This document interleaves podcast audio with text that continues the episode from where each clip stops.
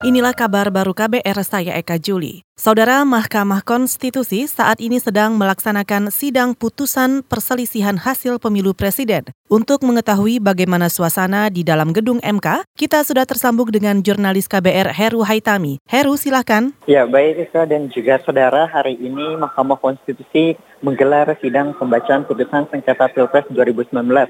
Sidang baru saja dimulai pada pukul 12.40 waktu Indonesia Barat dan dibuka langsung oleh Ketua MK Anwar Usman. Sidang pembacaan putusan ini dilakukan lebih cepat dari batas waktu ya, pembacaan putusan yakni 28 Juni. Saudara di awal persidangan tadi Ketua MK Anwar Usman mengingatkan pada seluruh pihak agar menyimak dengan baik pertimbangan hukum dan amar putusan yang dibacakan oleh majelis hakim.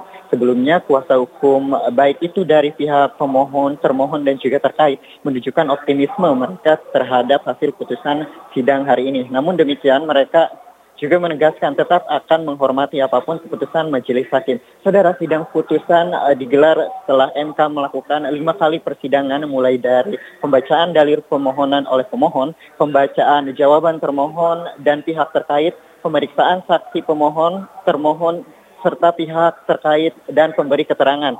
Selain itu, MK juga telah mengadakan rapat permusyawaratan hakim atau RPH guna menelaah dan mendiskusikan apa saja yang akan dibacakan saat sidang putusan. Demikian, Heru Haitami melaporkan dari Gedung Mahkamah Konstitusi Jakarta. Kembali ke Anda di studio. Terima kasih Heru Haitami dan kita menuju Bursa Efek Indonesia. Rupiah bergerak di antara penguatan dan pelemahan melawan dolar Amerika Serikat pada perdagangan hari ini akibat isu politik yang menjadi bumbu utama pergerakannya. Isu politik antara lain dari dalam negeri sidang putusan Mahkamah Konstitusi yang akan mengumumkan hasil sidang sengketa Pilpres 2019.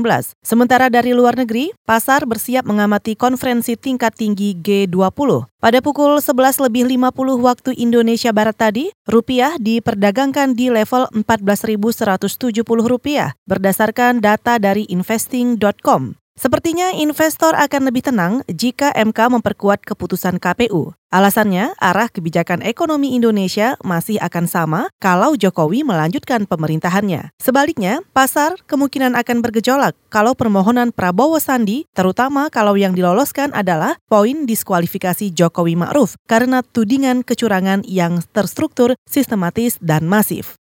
Saudara Dewan Perwakilan Rakyat atau DPR menunggu usulan nama-nama calon pimpinan Komisi Pemberantasan Korupsi atau KPK dari panitia seleksi. Anggota DPR Komisi Bidang Hukum, Hak Asasi Manusia, dan Keamanan Arsul Sani mengatakan calon pimpinan KPK harus bebas dari kepentingan politik. Kami kan kalau yang di Komisi 3 ini kan bersifat uh, menunggu pasif sampai dengan kemudian pansel nanti pada saatnya menyerahkan kepada DPR hasil kerja mereka kan kalau uh, apa dari sisi aturan pansel kan nanti harus mengirimkan 10 calon untuk kemudian kami pilih menjadi uh, lima.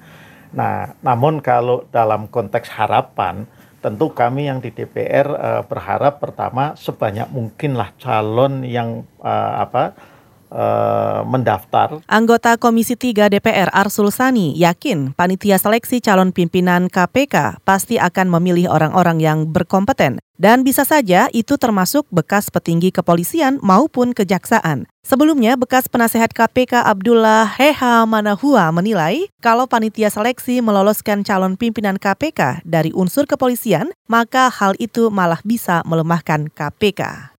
Saudara mengantisipasi adanya pungutan liar saat penerimaan peserta didik baru atau PPDB di Balikpapan, Kalimantan Timur, tim Saber Pungli membuka posko aduan pungli PPDB. Kepala Dinas Pendidikan Balikpapan, Muhaimin, mengatakan setiap laporan masyarakat yang diterima posko aduan pungli PPDB akan langsung ditindaklanjuti. Bahkan kalau ada kepala sekolah yang terlibat pungli, maka akan diusulkan untuk dicopot dari jabatannya. Alhamdulillah eh, sudah jelas bahwa PPDB negeri tidak dibayar, tidak bayar. Kan ada, kami juga saber pungli kan buka buka posko, inspektorat buka posko, posko, Polres juga buka posko. Pasti, pasti. Kalau ada terbukti ada kepala sekolah yang memang berani pungli dan nakal kita usulkan ke Pak Wali untuk dicopot. Kepala Dinas Pendidikan Balikpapan Muhaimin menambahkan, Jumat esok seluruh kepala sekolah dan tim saber pungli akan dikumpulkan karena Ombudsman akan menggelar sosialisasi tentang larangan pungli pada PPDB. Dan sesuai jadwal, PPDB di Balikpapan baru akan dilaksanakan pada 1 sampai 5 Juli. Sedangkan saat ini sudah memasuki tahap verifikasi dan validasi data calon peserta didik baru. Demikian kabar baru, saya Eka Juli.